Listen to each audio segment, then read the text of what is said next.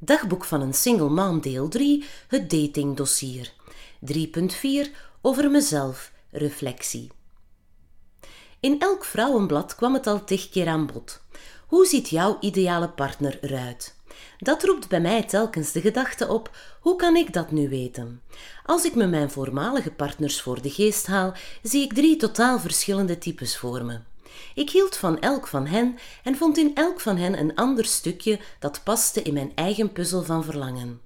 Het waren de ontbrekende stukjes die er uiteindelijk voor zorgden dat het fout liep. Hoe mijn ideale man eruit ziet, daar heb ik dus geen idee van, maar er is me wel heel wat duidelijk geworden de laatste jaren.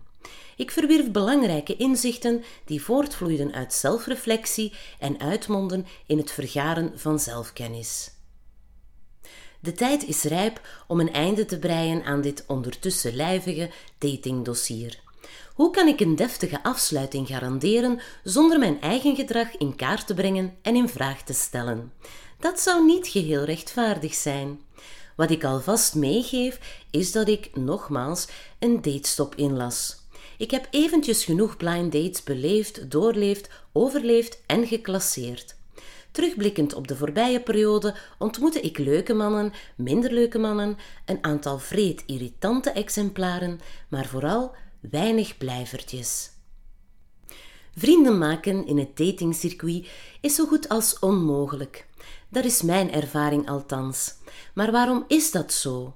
Waarom beland je vrijwel altijd in een ongemakkelijke situatie of positie? In meerdere gevallen escaleert het zelfs naar iets zuurs. Tijdens een gesprek met liefste vriendin V stel ik haar de vraag, niet voor de eerste keer. Zij vermoedt dat het verband houdt met de context van de ontmoeting, in dit geval een date. Dat houdt inderdaad steek. Heeft het dan toch te maken met verwachtingen? Wat kan ik meer doen dan tot vervelens toe benadrukken dat je die best niet koestert? Het woord verwachting staat namelijk in mijn woordenlijst onder de noemer vluchtreflex, ergens bovenaan zelfs. Van zodra ik nog maar denk te ruiken dat er een sluimer van een fractie van een verwachting jegens mij bestaat, maak ik mezelf ook schuldig aan enige verwachting? Ik dacht nogthans van niet. Toch neigt het daar sterk naar, want is het vooropstellen van geen verwachtingen, die je niet enkel jezelf maar ook de ander oplegt, al geen verwachting op zich? Vast wel. Je kan het nog zo goed plannen in je hoofd. Geen verwachtingen, geen gebroken harten, duidelijke communicatie, openheid. Je kan een soort van naïeve hoop koesteren dat je, in het geval er geen vonk is, maar wel een klik, er een leuk nieuw contact aan overhoudt. De realiteit strookt echter niet met de gedachte. Als je het mij vraagt, heeft dat te maken met gelijkgestemde verwachtingen. Die blijken nogal van het zeldzame soort te zijn. Denk dat daar het schoentje wringt. Wat het benoemen van partnerschap betreft en wat dit voor mij betekent, daar ben ik wat voorzichtiger in geworden. Ik beleef al een zeker partnerschap en dat op verschillende niveaus, maar wat de ware liefde betreft, blijf ik me maar verdiepen in pogingen om uit te vlooien wat ik wil, wat ik nodig heb en waarom het zo moeilijk is voor mij om mijn match te vinden. Het heeft geen zin om puur op ratio lijstjes op te stellen, want het blijft koffiedik kijken. Men zegt wel eens: je zal het wel voelen als het zover is. Dan lijkt het me inderdaad zeer moeilijk, zo niet onmogelijk, om partnerschap in de liefde te definiëren. Maar een beetje rationele tussenkomst is aangeraden, ook als het om hartgerelateerde zaken gaat. In mijn huidige visie is partnerschap een volwassen relatie met evenwaardige partners, waarin communicatie een primaire behoefte is. De basis wordt gevormd door een aantal fundamentele gelijkenissen en eigenaardigheden, liefst overgoten met een assortimentje van verenigbare verschillen. Tijd voor jezelf en tijd voor elkaar zijn van een gelijkaardig belang. Verder moeten partners altijd een beetje opkijken naar elkaar en onderschat niet de waarde van elkaar alert te houden en uit te dagen. Partnerschap moet vloeien, een meerwaarde betekenen in je leven. Het mag geen al te zware opgave zijn om het te doen slagen.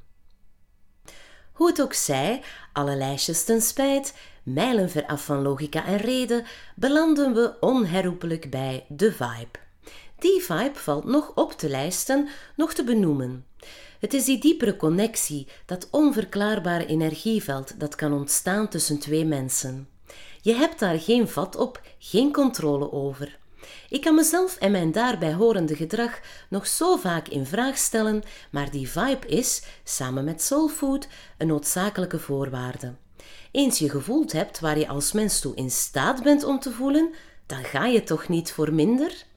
Wil niet iedereen eens deftig van zijn sokken worden geblazen? Het is best interessant welke invloed iemands energie kan hebben.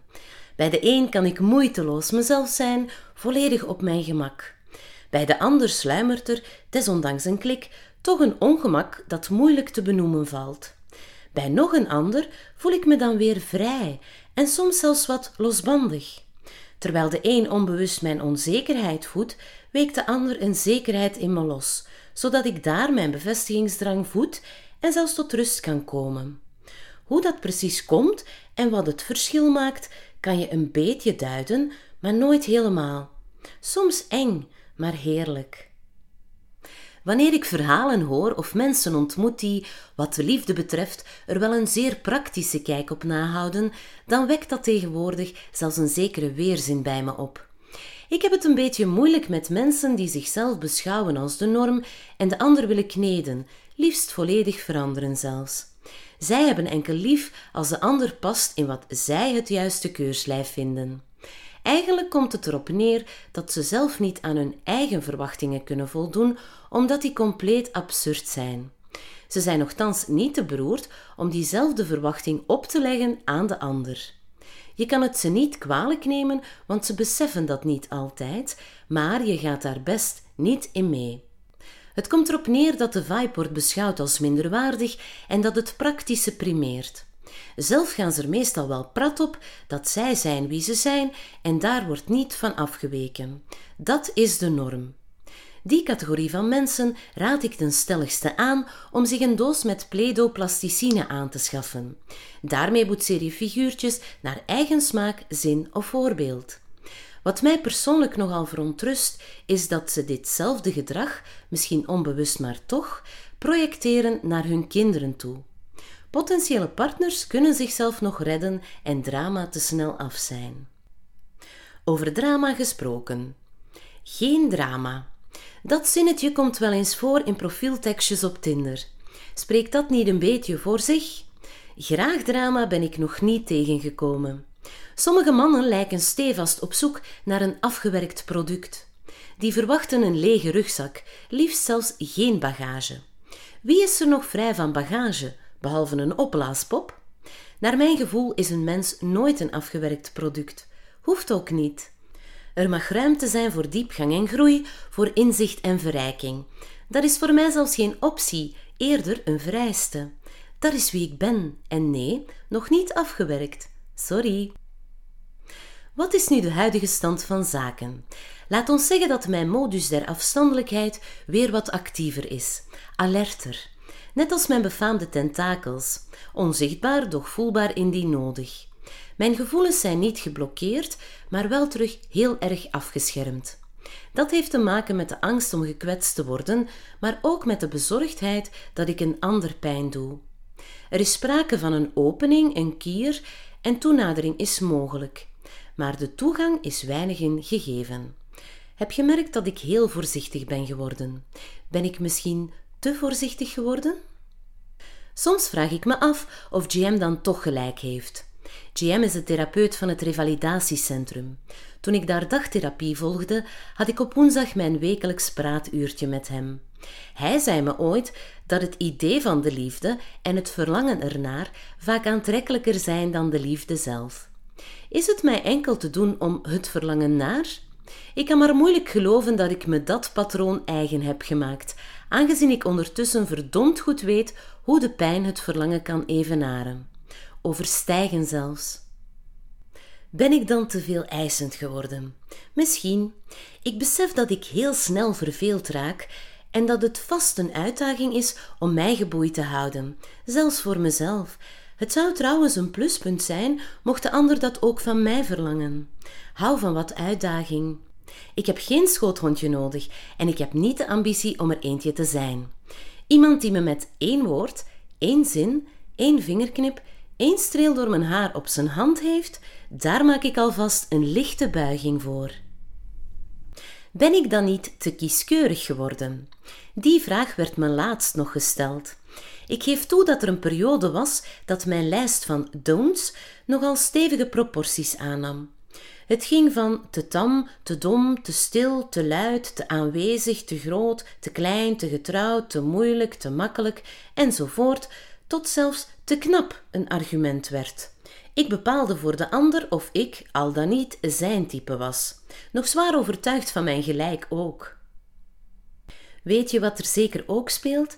Hoe clichématig het mogen klinken, de vrees dat na een singelschap van drie jaar en drie maanden, doorklift met de nodige avonturen, er een soort van gewenning is opgetreden.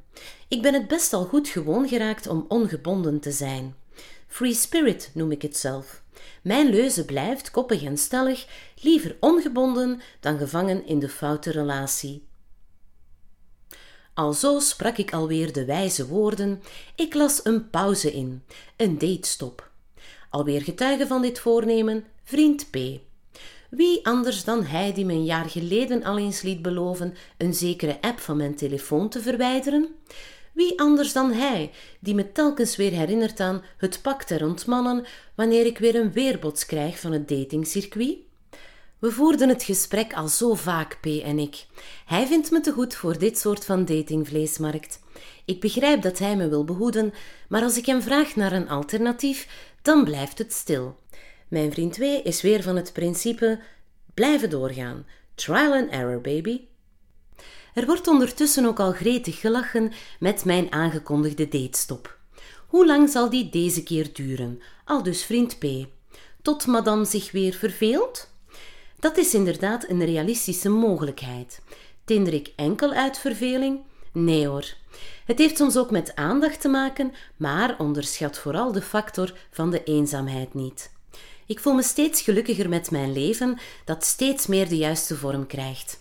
Ik sta dichter bij mezelf dan ooit. Ik onderneem, geniet van de vrijheid die ik me eigen maak, heb geen gebrek aan sociale contacten, maak deel uit van het meest fantastische gezinnetje, heb echt zalige vrienden en ja, ik ben best een happy single. Maar ook die kunnen zich verdomd eenzaam voelen. Uiteraard is ook elke op de hoogte gesteld van mijn tijdelijke afstandsplan. Geen slecht plan volgens haar. Zij is er sowieso altijd van overtuigd geweest dat het mij niet te doen is om haarkleur of kleur van ogen, welke job, wat voor huis, welke auto, hoeveel poen. Zij heeft het over iemand die me rust geeft, me met een paar zinnen terug tot mezelf brengt en me nu en dan van mijn tunnelvisie afhelpt, waar ik wel eens in beland. Op mijn beurt ben ik goed in iemand af en toe een spiegel voorhouden, mocht dat nodig zijn. Ik vind de juiste woorden om dingen te benoemen of zaken op een rijtje te zetten. Daar kan ik me in vinden, maar makkelijk te vinden is het niet. Ga er ook geen zoektocht van maken. De focus wordt even op mezelf gericht en op wie ik echt nabij wil zijn. Voor de rest zie ik wel wat er op me afkomt. Intussen tijd ga ik gewoon lekker mezelf zijn en blijven, zelfs als de ander daar nog niet toe in staat is.